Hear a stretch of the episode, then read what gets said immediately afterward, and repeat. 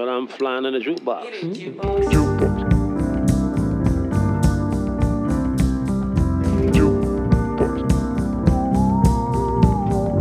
Flying jukebox. Bruce Springsteen sa en gång att eh, musik är som sex, man ska ägna sig åt det, inte prata om det. Jag håller med Bruce. Hej och välkomna till den flygande jukeboxen, en podd av, med och för musikälskare. Mitt namn är Patrik Stanelius och i och med det här avsnittet knyter jag ihop säcken för hösten. För det är så att vi har nått den flygande jukeboxens första säsongsfinal och det är med en specialkul gäst. Det finns ett band som ligger mig varmt om hjärtat som existerar i mellanrummet mellan det vakna tillståndet och drömmarnas värld.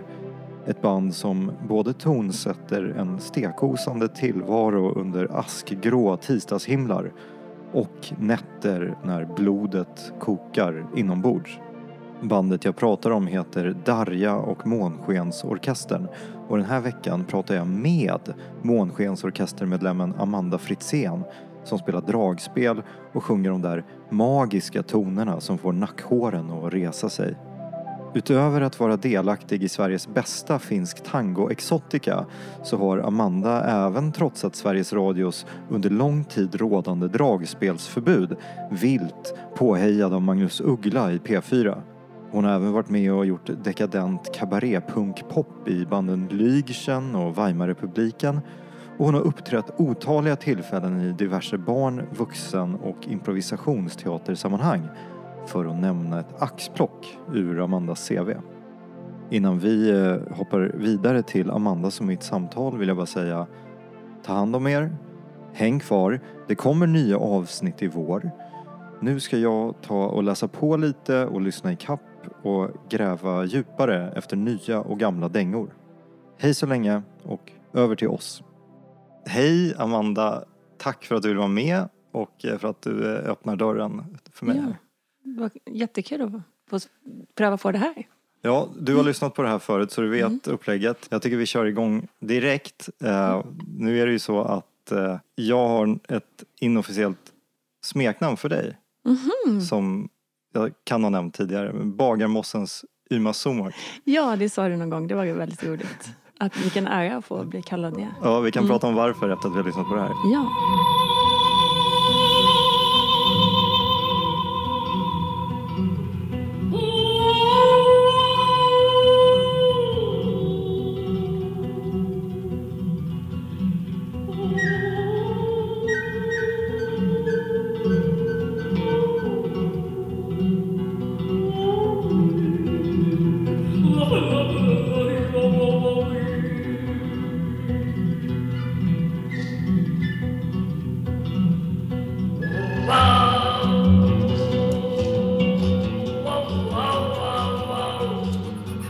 Fantastiskt. Helt fantastiskt. Ja. Mm. När vi lyssnade så sa du två saker. Dels att du tänkte på djungeln och sen så gjorde du mig uppmärksam på att det hänger en helt enorm karta över Sydamerika precis bakom mig här. Och Ja. Jag eh, ska försöka beskriva den för den är verkligen jättefin. Sydamerika i bilder utarbetad av folks, folks, Skolläraren. ja, folkskolläraren B. B. Lindblad. Ja, precis. Är det en friend of yours eller? Eh, nej, utan den här är en, ett loppisfynd som eh, vi hittade någon gång på ja, 20 år sedan. Eh, och eh, den har alltid hängt med liksom där vi har bott sådär och den är liksom Jag kommer plåta av den här och lägga upp på, Mm, i samband med avsnittet. ja. Eh, ja, som jag nämnde innan så lyssnade vi på Yma Sumak. Det här är en av eh, Perus första internationella superstjärnor. Okej. Mm. Född 1922 i Ichokan. Och eh, Yma Sumak är ett scennamn. Det är någon sorts modifiering av eh, ordet Imma Shumak på quechua-språket som betyder eh, hur vacker. Men hon heter egentligen Zoila Augusta Emperatriz Chavarri del Castillo. Oj. Det är inget dåligt namn. Eh, Nej. Och, den här emperatrice-delen eh, hänvisar till att eh, hennes föräldrar pådyvlade att hon var ättling. I rakt nedstigande till Atahualpa, den sista inkakejsaren. Och det här är ett påstående som eh, den eh, peruanska regeringen eh, gav stöd till i mitten på 40-talet. Mm, men det verkar ju helt rimligt med tanke på hennes liksom hon har en otroligt pompös liksom hela, vilken röst och vilket liksom man, jag tänker så här, hur mycket är liksom, eh, hur mycket är improvisation och hur mycket är liksom fastlagt i musiken? Men det känns ju väldigt eh, fri, tycker jag. Att Mm. man, jag tänker direkt att den måste vara helt improviserad men samtidigt så är det ändå antagligen inte det. Den är säkert komponerad liksom på sitt sätt. Vet inte, Nej. vi har inte henne här. Men, men, Mm. eh, och, och jag nämnde tidigare att jag kallar det för Bagarmossens Yma Somark. Ja. Du har ju ett omfång på din röst som Mm. i mina öron i alla fall är otroligt imponerande. Ja. Det sägs att Yma Somark hade en röst som spände över möjligtvis fem oktaver. Långt ner i basregistret och upp till höga eh, eh, R, eh, FIS 6 eller något sånt där. Och alla de här ljuden som vi har som Ja. låter som en eh, grävskopa fram till en fågel, det är hennes röst. Hur svårt sångtekniskt är det att producera sådana här ljud? Ja, för det, jag tycker att det är det som är så spännande med Uma Sumak, att hon, eh, hon utforskar ju rösten eh, totalt liksom. Och det känns som när man har lyssnat på hennes, eh, de här låtarna så är det som att man färdas in i djungeln och det, det är som att man möter olika vilda djur och samtidigt är det, tänker jag också på den här filmen som eh, heter Fitzcarraldo. Werner Herzogs ja, Werner film. Herzogs film. Liksom det här märkliga mötet med, vad ska man säga, den klassiska musiken och liksom eh, Amazonas djungel. Liksom. Alltså att det här, att det är, plötsligt är det, mm, är, det, det är liksom djuriska läten och sen plötsligt kommer det mm, liksom toner som är mm, som en, som en opera. Liksom. Alltså det, det blir som en kontrast mellan opera och djungelns liksom läten. Det är så himla häftigt. Och, och eh, sen tilltar så mycket av att det här eh, att, att kastas mellan de liksom, vackra, vackra toner och men också det här liksom mörka och där det nästan, nästan heshet i hennes röst när hon, vad, vad det nu är hon är, ska gestalta, det förstår jag inte riktigt men, men det är liksom helt fantastiskt. Jag skulle säga det att jag, jag är van att sjunga och jag kan sjunga ljust liksom, men det här att gå ner med de här basiga tonerna och göra det där, det är jag fa- jättefascinerad av. Det, det har jag inte jobbat så mycket med. Mm. Det, är det känns också som att hon eh, har förmågan att eh, likt sångaren Diamanda Galas krossa eh, glas med sin röst. För det är, det är som du säger, det finns, det finns en, en kraft Ja, också. Det är inte bara, precis. eh, det är inte bara skirt. Nej, nej, nej, inte alls. Utan tvärtom, det är ju riktigt skitigt på något sätt också. Och det är därför man tänker att hon är rakt nedstigande led till den här liksom. Atahualpa. Vill man eh, förkovra sig i Yma Sumak så finns det tyvärr, måste jag nästan säga, för mycket inspelat. Hon eh, gifte sig med eh, kompositören och orkesterledaren Moises Vivanco som eh, var liksom en stor katt i exotica och storbandsgenren på eh, 40-50-talet och han insåg väl eh, kanske dels vilken fantastisk person han träffat men också vilken tillgång han snubblat över. Så det finns hur många inspelningar som helst med henne. Men den här som vi lyssnade på som heter Chuncho från albumet The Voice of the Extabay. Det är en jättebra inkörsport för Ja. att eh, det är inte bara så här loungeigt och easy listening utan det är som du säger, det är skitigt. Vi har nästan lite Ennio Morriconiska spaghetti western gitarrer. Ja, Det verkligen. en häftig, Ja. häftig skiva. Ja, det är verkligen som att kliva in i ett rum tycker jag också. Eller är det i skogens eller i djungelns liksom, värld. Det är så mycket rymd i soundet tycker jag som är så häftigt. Hur länge måste man öva för att träffa så höga Toner. Toner. Jag har ingen aning egentligen faktiskt. För att eh, det konstiga, jag, jag tänker på det ibland att för mig är det där att träffa höga toner, det är så konstigt lätt i min värld. Och, och det är så här, jag, spelar dragspel och håller på att kämpa och ska liksom lära mig och bli bättre på dragspel. Jag, jag, jag liksom kämpar med olika instrument. Men just när det kommer till de här ljusa tonerna i sången, där finns det liksom inga det, finns ingen, det är inte så mycket hinder för mig och, och, och, och det är jag väldigt glad för men det är så konstigt att vissa saker kämpar man väldigt mycket med och vissa saker faller sig väldigt sådär mm, naturligt med ens mm, ja, ja, just i ett röstläge då som där just de ljusa tonerna är för mig ja, helt självklara på något konstigt sätt. Så det, jag är väldigt glad för det men det är märkligt att att vissa saker kämpar man hårt med och, och lyckas inte så bra men det här plötsligt bara kommer det något flöde liksom. Men har du sjungit, eller det kanske är ett presens, Mm. sjunger opera också? Egentligen inte så mycket men jag, jag tog lite sånglektioner när jag var i tonåren sådär, över tonåren och eh, då lärde jag mig väl liksom lite ha den här rösttekniken med huvudklang och, åt liksom operahållet kan man säga. Vi sjöng operett och det var fruktansvärt men jag lärde mig i alla fall att ha den där rösttekniken som jag har haft glädje av. Mitt favoritögonblick i varje Daria och Månskensorkesterns spelning är i låten som jag... Alltså, du, na, na, na.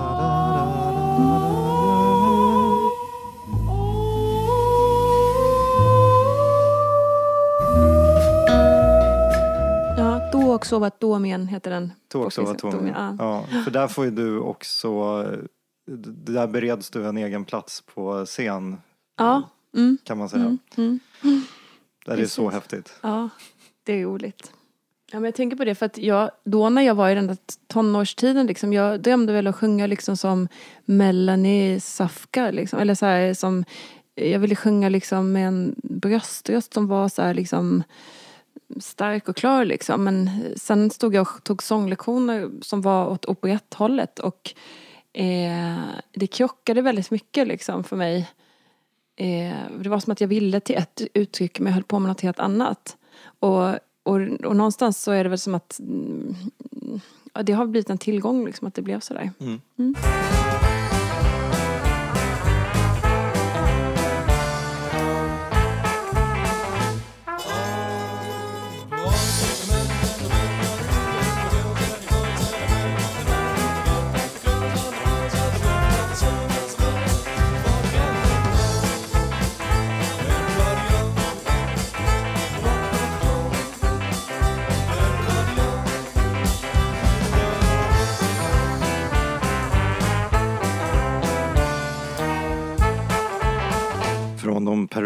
amerikanska djunglerna till eh, de skotska gråa skyarna.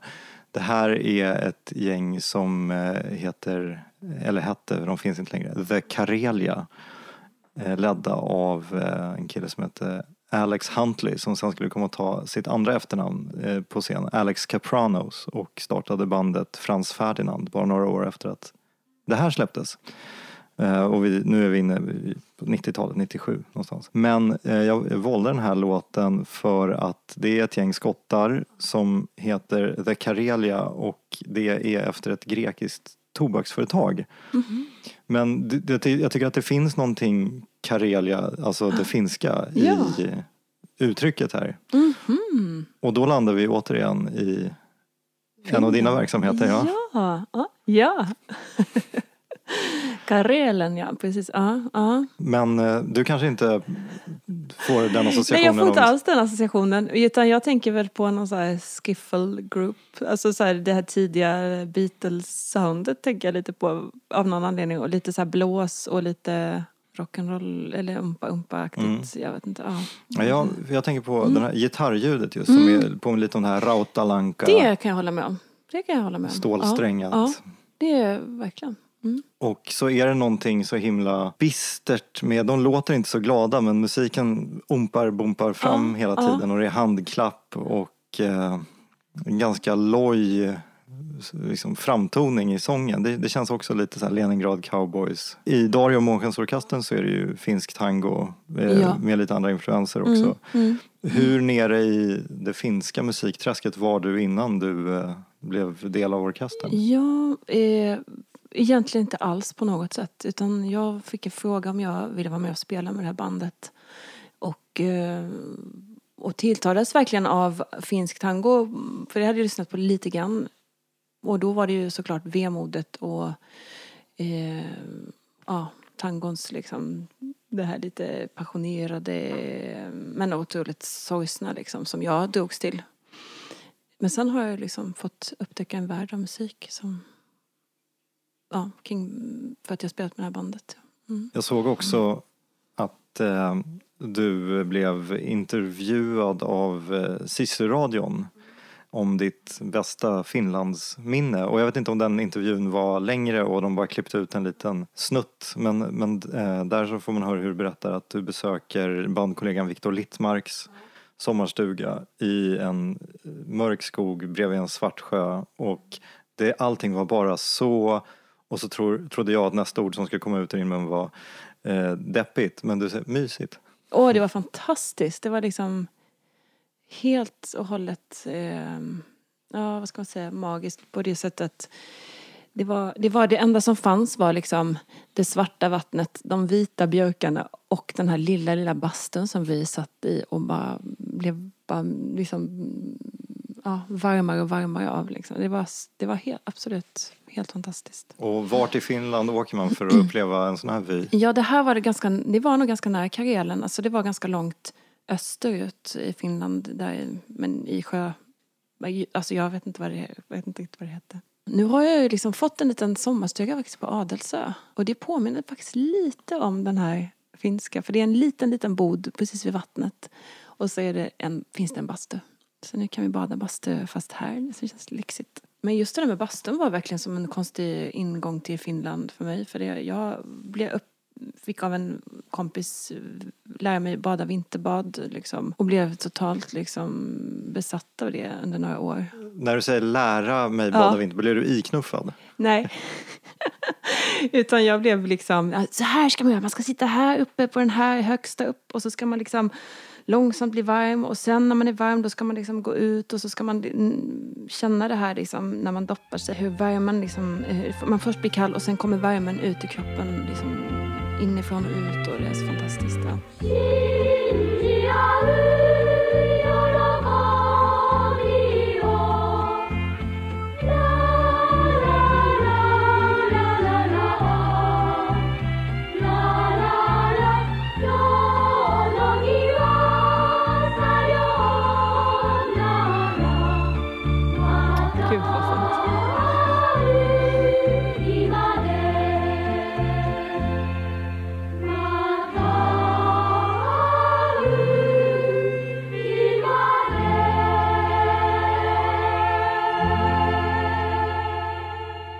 Här var väldigt länge ett mysterium för mig. Det är ett eh, stycke musik som eh, ligger på en, ett ungerskt kassettband märkt Japansk musik 2 Och, som jag haft i min ägo ja, ett tag. Och eh, jag har alltid föreställt mig att det är ja, men, en, skolavslutning. Det påminner lite om den japanska versionen av Den blomstertid eller något liknande. Och inför att jag skulle träffa dig så tog jag kontakt med en eh, japansk kompis och eh, bad honom eh, berätta vad det är. Och det visade sig mycket riktigt vara en sång som sjungs både på skolavslutningen men framförallt sista dagen på sommarkollo i Japan. jaha. Och den heter Kyono Niha Sayonara vilket betyder farväl idag. Och då utdrag ur texten är bland annat att de sjunger att jag hoppas att vi förblir vänner för evigt och eh, vi kan drömma om morgondagen som en fågel som flyger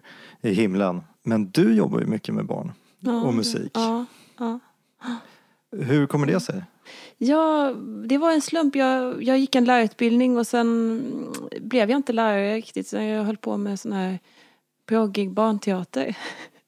Och gjorde teaterprojekt. Och så, så, mm, men så fick jag ändå frågan plötsligt från en skola som behövde en musiklärare. Och jag kände mig ganska liksom, ja, skräckslagen inför det. Jag visste inte hur gör man det. Men så var det, en, det var bara en dag i veckan och det skulle vara mellanstadiebarn. Så jag testade lite och sen har det blivit ja, nu i alla fall att jag jobbar två dagar i veckan med det och, och har både mellan och högstadie och sådär och håller på väldigt mycket och sjunger ju med olika klasser hela tiden. Vad är nyckeln för att fånga barns intresse med musik? Ja, Det är en jätteenkel fråga Ja. att- besvara säkert. precis. Alltså, för det, och det är intressant för man märker när man är i skolan sådär att eh, när, när barnen är sådär 9-10 år då har de fortfarande det här sättet som de här barnen sjunger. Det här väldigt självklara liksom man är sådär väldigt glad för sin röst och man bara ger av den. Det är den känslan man får av den här låten tycker jag. Jag blev väldigt berörd av den här låten. Jag tycker den var jättevacker. Och jag, jag tänkte på något finskt faktiskt också. Jag vet inte varför.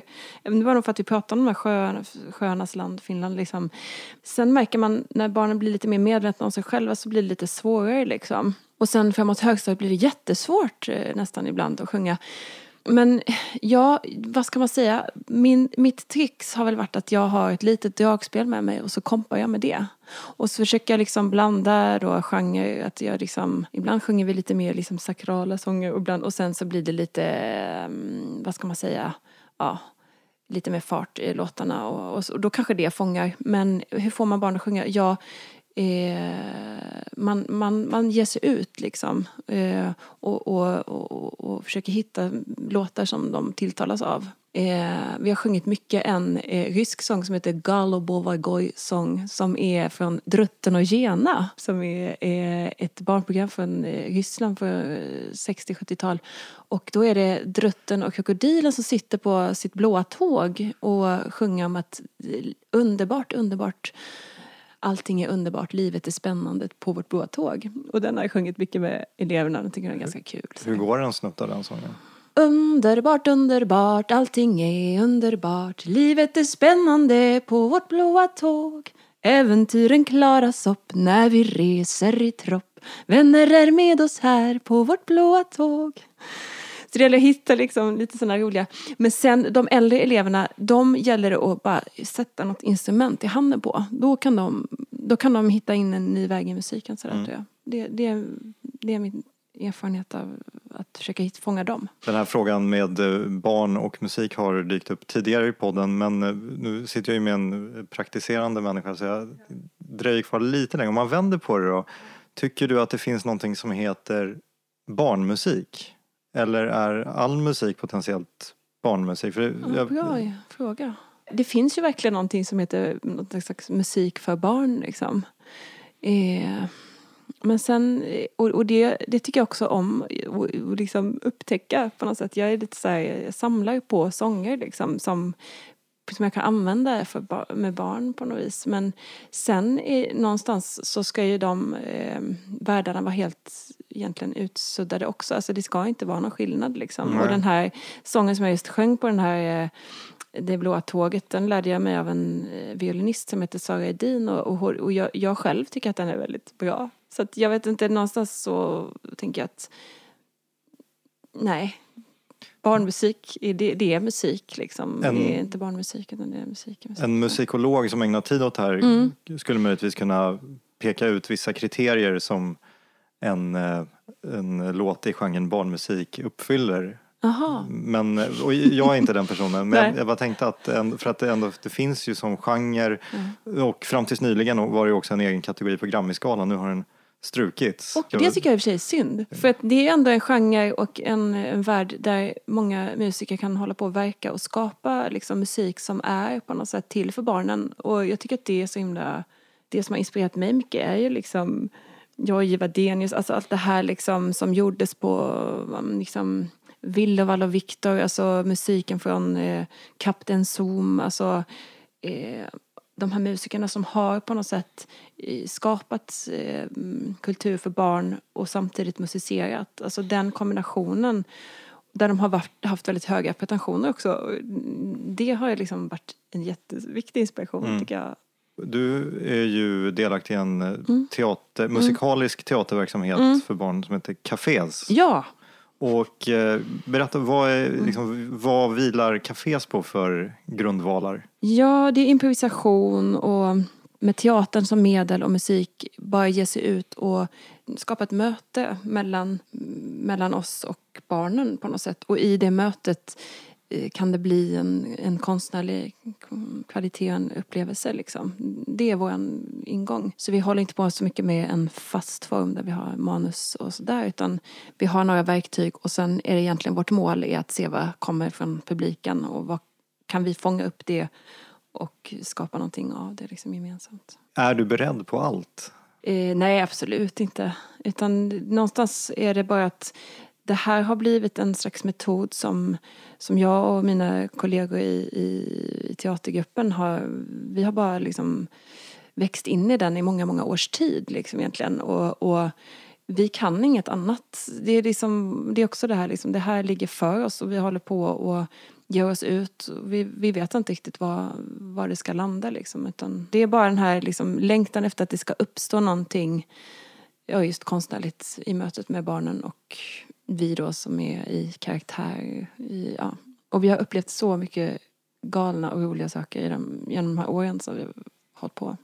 Helt bisarra, jätteroliga grejer. Jag har, jag har bara sett eh, brottstycken av eh, era framträdanden. De finns ju små, små, små snuttar. Vi konstaterade innan vi satte på mikrofonen att Amanda är en väldigt offline person. Så Ja. att det krävs lite mer än en enkel googling för att Ja. hitta saker om dig.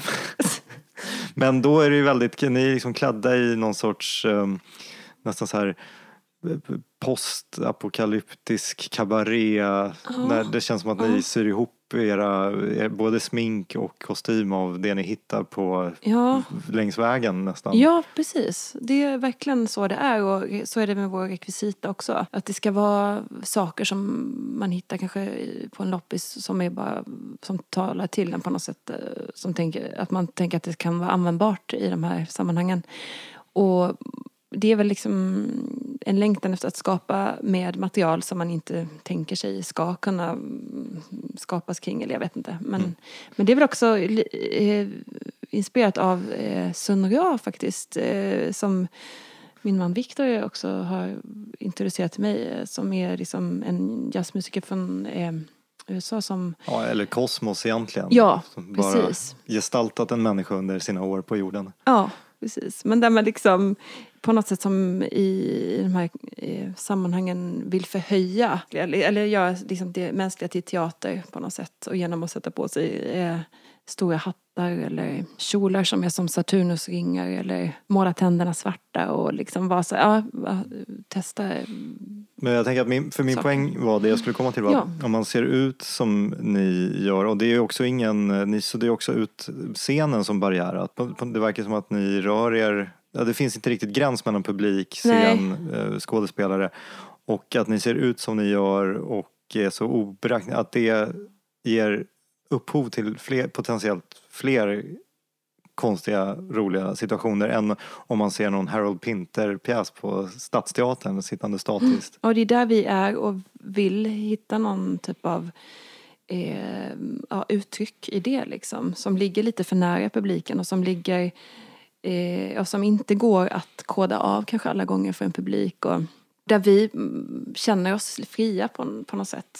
Eh, och, ja. och det rummet måste man hela tiden erövra på nytt och på nytt. Man måste prata om hur liksom, hur gör vi nu igen för att liksom sudda ut det här eller hur liksom, vad var det nu, för att det, ofta går man i någon slags fälla och gör lite fel och så blir man så här, fan vi klarade inte riktigt, vi vill, kom inte riktigt vi ville, dit vi hade tänkt liksom. Men eh, när man väl får tag i det så är det ju jättehäftigt. Rent konkret då, det är, det precis, är det att ni till exempel skrämmer barnen ni spelar för? Eller Eh, det vara? har ju hänt verkligen många gånger kan jag säga. Men nej, alltså nu har vi spelat mycket det senaste året. Jag och eh, min man har spelat i en duo som vi kallar för Varat. Och eh, då har vi egentligen spelat mest för vuxna och eh, då har vi liksom med den här barnteatererfarenheten tagit samma uttryck fast in i en liksom vuxen kontext kan man säga. Och det är ju obegripligt för vuxna bara det. Och, eh, men då kan man säga så här att ja, vi kanske kommer till ett spelställe och någonting överrumplar oss. Vi blir lite nervösa och tappar kanske den här liksom känslan av att, eh, för att nervositeten ställer sig mellan det här fria uttrycket egentligen kan man säga. Och jag menar, det händer hela tiden när vi håller på med det här att, att det kommer kanske någon typ av hämning liksom, som ställer sig lite i vägen. Och då måste man liksom diskutera, ah, men vad var det som hände, varför blev det så, hur gör vi nästa gång, och vad är det vi har glömt bort eller så. Ja. Så det, det där går runt hela tiden. Alltså en liten önskedröm som jag har är ju att musiken från Varat ska dyka upp i lyssningsbar. Jaha, det, okej vad Ja, roligt. ja, men- det, det, har inte, det har vi inte ens pratat om. Jag inte... Ja, det är eh, bland det finaste jag har hört på svenska. Ah, okej, vad roligt. Då hör jag. Tyvärr så går det inte att hänvisa folk till den utan att man går och ser er. Nej, det är mycket en ögonblickets upplevelse, Mm. absolut. Vi ska keep it weird. Nu blir det hemmaplan för dig här. Amanda. Jaha.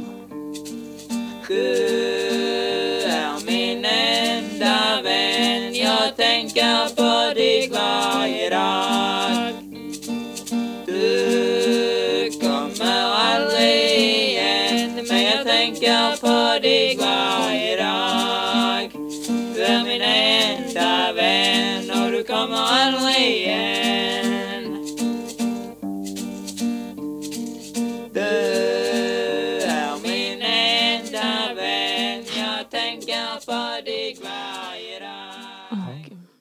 Ja, vill eh, du ava den här? Eh, ja, det här är ju filmen Arthur and the Dung. Du är min enda vän, tror jag den heter. Mm. Ja. Korrekt. Ja. Och eh, On Silence i, i Värmland. Studio Silence. Ja. precis, Eller- i Koppom. Koppom, ja. Mm. Mm. Men eh, inte inspelat där troligtvis utan de är ju eh, hemliga individer som skickar eller skickade band okej. till eh, Mm. Silence för utgivning. Och eh, min enda kontakt tidigare med filmen Arthur and the Dung är, är väldigt ytlig. Alltså, jag hade koll på Inkommer Gösta och visste att det är skrammel och tokigheter men jag, jag tycker att det här är ju kvalificerat vackert på Mm. riktigt. Ja. Och eh, du misstänker säkert varför jag valde den här. Ja, det förstår jag nästan att du eh, gjorde. Och det var för att förra sommaren, sommaren 2019 så gjorde vi, eh, jag, Elena Wolaj och Thomas Öberg en liten, och en tjej som heter Hanna, och nu kommer jag inte ihåg vad hon heter i efternamn. Östergren. Ja, men vi gjorde som en liten föreställning för barn där vi, eh, eh, som var helt och hållet byggt på sångerna av, av filmen Arthur and the Dung och en liten text som Elena hade skrivit eh, på det temat kan man säga. Och då är det alltså Elena Wolaj som driver klubben Jazz är farligt. Thomas Öberg, Bob Hund, Thomas. Vi gjorde som en, en liten föreställning som var riktad till barn och, så här, och, och vi framförde den bara vid två tillfällen. Så vi hann inte så långt in i vårt arbete egentligen men eh, det var väldigt roligt. Eh, när jag var liten växte jag upp på landet i Småland och jag hade några eh, grann, en grannfamilj som bodde huset intill och de, eh, de var sådär riktigt härliga gröna vågare och hade flyttat ut liksom till landet och de lyssnade mycket på musik och de spelade filmen Art and Dung eh, när vi var små. Så jag har lyssnat på det här sedan jag var riktigt liten. Så jag kände till ganska många av sångerna sådär men eh, det jag tänker på är att jag tänker på den där skotska låten du spelade i början där. Mm. när man kände att det var en, en durig en, en durig låt med ett liksom lite sorgset, eh, att de sjöng på ett sorgset sätt. Så tänker jag lite kring den här, liksom att här är otroligt liksom mollstämd låt. Men det känns som att de håller på att garva på sig, liksom, de som sjunger. Att de är liksom, har ett garv hela tiden och att de är så otroligt tramsiga liksom. Mm. och och eh, ja, det är verkligen en motsatsförhållande där tänker jag. Mellan. Ska jag nämna det att den skotska låten vi lyssnar på heter Dancing along to Necrotaphion. Det, eh, det glömde jag nämna tidigare. Ja, men det är roligt att upptäcka de här låtarna. Det finns ju en hel rad med låtar Mm. och de har ju verkligen, eh, ja, de är verkligen otroligt bra tycker jag och galna. Eh, bland annat avslutade vi vår lilla föreställning med att Thomas sjöng Jag klipper, klipper, klipper gräsmattan och den blir så fin. Och den, det, är en, det är en jätterolig låt och det, den går bara runt, runt, runt, runt det här liksom att man klipper, klipper gräsmattan och den blir så fin och det tar aldrig slut, det tar aldrig slut och man är sådär hysteriskt glad och ändå kan man pågå i det evigt, evig, i det eviga. Mm. Ja. Ja, men jag grottade ner mig lite i filmen Arthur and the Dung inför Ja, det här och eh, det, alltså i mina öron så låter det nästan som någon sån här proto Suicide, den amerikanska duon som eh, var liksom stenhårda och jobbade bara med trummaskin och eh, synt och eh, liksom, mycket aggressivitet. Men det är inte trummaskin som filmen Arthur and the Dung använder. De bankar på plåtburkar och Ja. hinkar och Ja, det är ju ännu mer primalt liksom. ja, verkligen. Och mycket dragspel också. Ja, precis. Och Finns, eh, finns det någon eh, koppling där till eh, att dragspelet hamnade i ditt knä till slut? Eller är det... Eh, det tror jag absolut inte att det gör faktiskt. Även om vi lyssnade på de här när jag var liten så där, därifrån, det dragspelet tror jag inte var så inspirerad av. det är inte det Men- smäktande spelet? Nej, det är det inte. Men, eh, men det var ju därför jag fick vara med i den här föreställningen. För att jag spelade dragspel och att det skulle vara lite så här dragspels... Men de har ju väldigt... Ja, det är ju otroligt svårt att fånga det här som de gör liksom. Det går ju aldrig att fånga egentligen och göra om. Men man måste ändå göra det för att man älskar det här på något sätt. Ja. Och det är en extremt exklusiv skara människor, eller kanske till och med människa, som känner till upphovspersonernas riktiga identiteter än idag. En stor hemlighet och har varit i alla år liksom. Mm. Jag själv tycker att det är ganska ointressant vem det är liksom. Jag tycker bara det är så roligt att lyssna på och men jag tror att man blev så besatt av att förstå vilka de är eftersom de fick ju en Grammis och, och, la, och då lades hela Grammisgalan ner och alltså det var en liksom skandal i, i sin tid liksom. Så. Precis, på 70-talet så fick de Grammis och eh, för In kommer Gösta just och det var någon sorts eh, antimusik, alltså där ruttnade hela etablissemanget. Och sen så eh, var Grammisgalan på is i 15 års tid.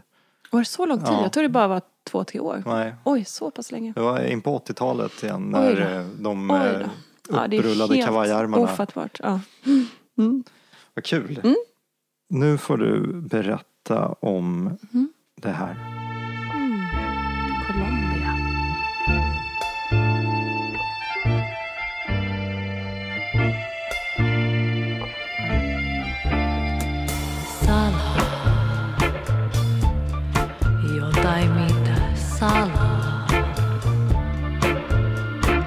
Salah, Yes. Gracias.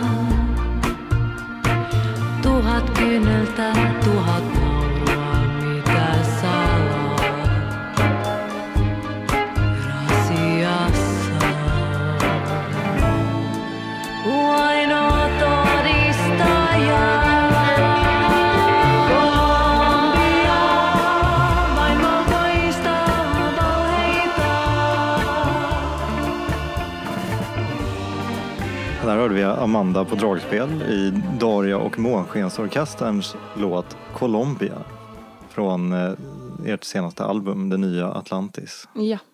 Darja och Månskensorkestern skulle jag uttala det. Man säger inte Darja, utan man säger Darja och Månskensorkestern. Bra, tack. Ja, men det är inte så noga heller. Nej, ja, säga fast men, r- men det är bara en rätt. intressant detalj. Mm, Man kan tänka mer på Arja, Sayan, eller så här liksom Darja. Alltså det är mer ett sånt uttal. Men Bra, men då är det officiellt. Är det. Ingen som hört det här kommer säga fel hädanefter. Eh, och det här är min favoritlåt på albumet och eh, den känns lite atypisk. Det är min man Viktor som har skrivit texten och jag vet att den handlar om liksom svarta nätter och eh, gråa dagar och, och vita... Ja, det, det är något slags väldigt poetiskt eh, eh, i, i språket här som mm, Eh, ja, vad ska man säga? Jag tänker på mycket på när jag hör, eller en poesi kan man säga, men alltså jag tänker mycket på när jag hör den att eh, när jag tänker på Månskensorkestern så tänker jag på mm, nästan tillbaka till början i programmet när vi pratar om Ima Sumak på något sätt och Colombia och, och så tänker jag på hela Månskensorkestern och då känns det som att det som vi har hållit på med i alla år rent konstnärligt är väl att vi eh, vi håller på med någon slags exotism egentligen. Vi exotifierar eh, den finska musikkulturen eh, eh, och, och liksom närma oss den som något väldigt liksom exotiskt. Och, eh, och ha verkligen en sån ingång i det hela. Och jag tror att där liksom ligger mycket av kraften. Och jag tänker att Eh, då tänker jag Umasimak och Exotica på något sätt är att för oss är liksom är det som att vi är här i Sverige men vi har liksom ett grannland som är så totalt eh, annorlunda när det gäller det språkliga liksom ett helt annat språk, ett annat, ett annat uttryck. Och vi har liksom gått in i en slags teater där vi liksom leker att vi eh, står inne i det här liksom, som vi upplever som något väldigt exotiskt. Ja, Det är jätteintressant att du Ja. säger det, för hela exotica-genren så, eh, som, som var så populär på 50-talet innan, innan rocken kom, bygger just på fantasin om Ja. eh, fjärran paradis. Ja. Det, är liksom en, ett, att återskapa Shangri-La eller Stilla havets ett paradisöar dit folk bara kunde resa genom att höra musiken. Att det handlar mer om en uppfattning om någonting än en Ja. faktisk återskapning. det Precis, blir, det blir som, en, som i en dröm nästan. Som i en dröm och som ett, och i, i det här liksom att man drö, i drömmandet så eh, uppstår de här musiken på något sätt och, och, och eh, som ett uttryck tycker jag. Och, och, och det här liksom Colombia är någon slags, eh, ja ett fjärranland verkligen eh, med någon slags, eh, att, som man attraheras av. Så tänker jag. Ja. Mm. Du har en liten dragspelsfigur eh, som eh, för oss in i den andra versen. Det jag är nyfiken på är hur inspirerad av Guns N' Roses Sweet Child of Mine var du när du skrev den? ja, den har faktiskt Viktor skrivit. Mm. Så att jag vet inte om jag egentligen har formulerat den mer än att han har faktiskt... Eh, Vi ska lyssna på ah, och det som du har Segmentet i fråga, ja. Ett ögonblick här. Jag vet inte om jag har hört det ens.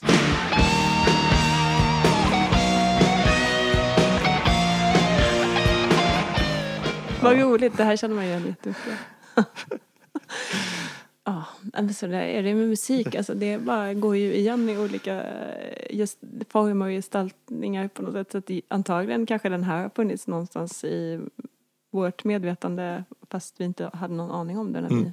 Gjorde Colombia. Nej, jag, jag tycker bara väldigt kul. Jag blev Ja, det är väldigt glad första gången jag hörde den och så här, mm, Precis. Ja. haja till. Ja.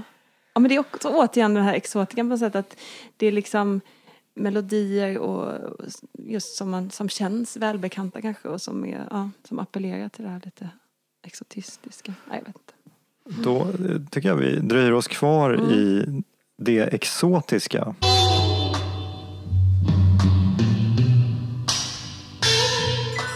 Mm-hmm.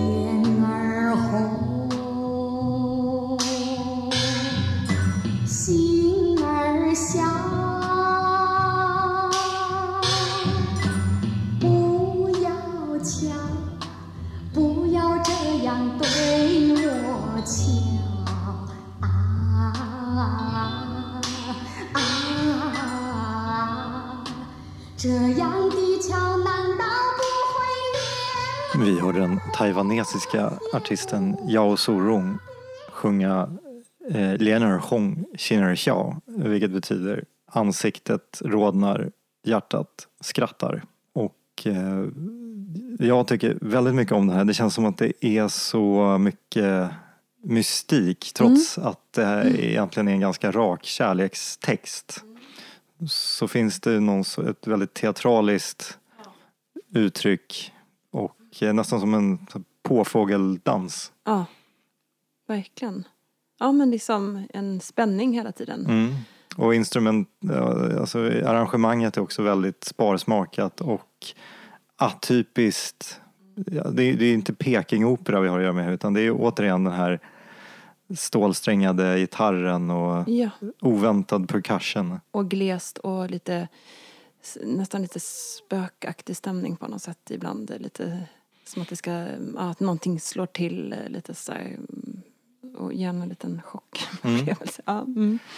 Här Jättefint. Stackars Ja. Madame Yao lyckades med konststycket att eh, bli förvisad. Hon blev fråntagen sin eh, licens att sjunga i Taiwan på eh, slutet på 60-talet. För att eh, på den här tiden så var det fortfarande en eh, republik i styre av Chiang Kai-sheks regim. Och eh, Eh, det var inte samma demokratiska samhälle som Taiwan är idag. Kulturen hade restriktioner.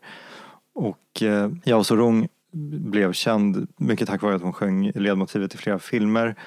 Och eh, mycket handlar om kärlek och olycklig kärlek och det ansågs vara för subversivt och farligt för landets ungdom att lyssna på här smöriga hjärtesånger. Och även för deppigt. För kultur ska ju vara kul. Ja. Så att eh, regimen la fram en lista på 80 av hennes låtar som inte fick framföras längre. Mm. Och under en konsert i Kaohsiung i Taiwan 1969 så skanderade publiken att de ville höra eh, låten Min grymme älskare, Fu Xineren.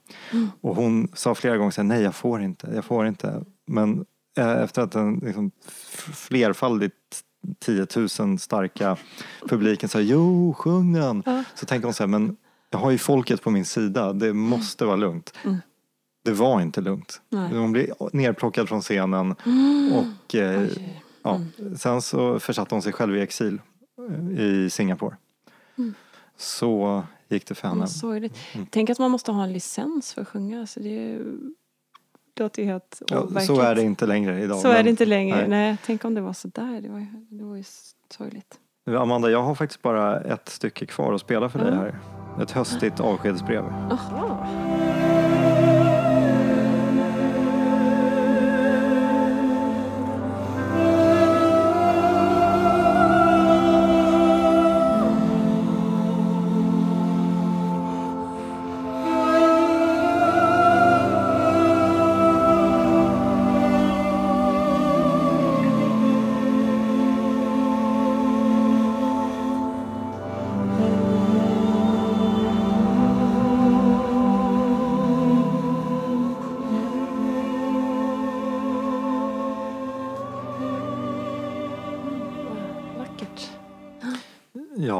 Det är ett stycke som heter Höstanemon skrivet av Lisa Montan. Eh, och det är en eh, kompositör som fick en Guldbagge för filmmusiken till filmen Flocken för fem år sedan. Då var hon den första kvinnliga tonsättaren som lyckades med den bedriften i Sverige. Okej. Eh, Det säger väl tyvärr väldigt mycket om hela den branschen. Men Ja. eh, hon släppte sin första skiva med eh, musik på skivbolaget Ona Recordings i vintras. Och den här heter Fossiler, det här albumet. Och det är rakt igenom superfint. Oj, det måste jag lyssna på. Jättefint. Ja.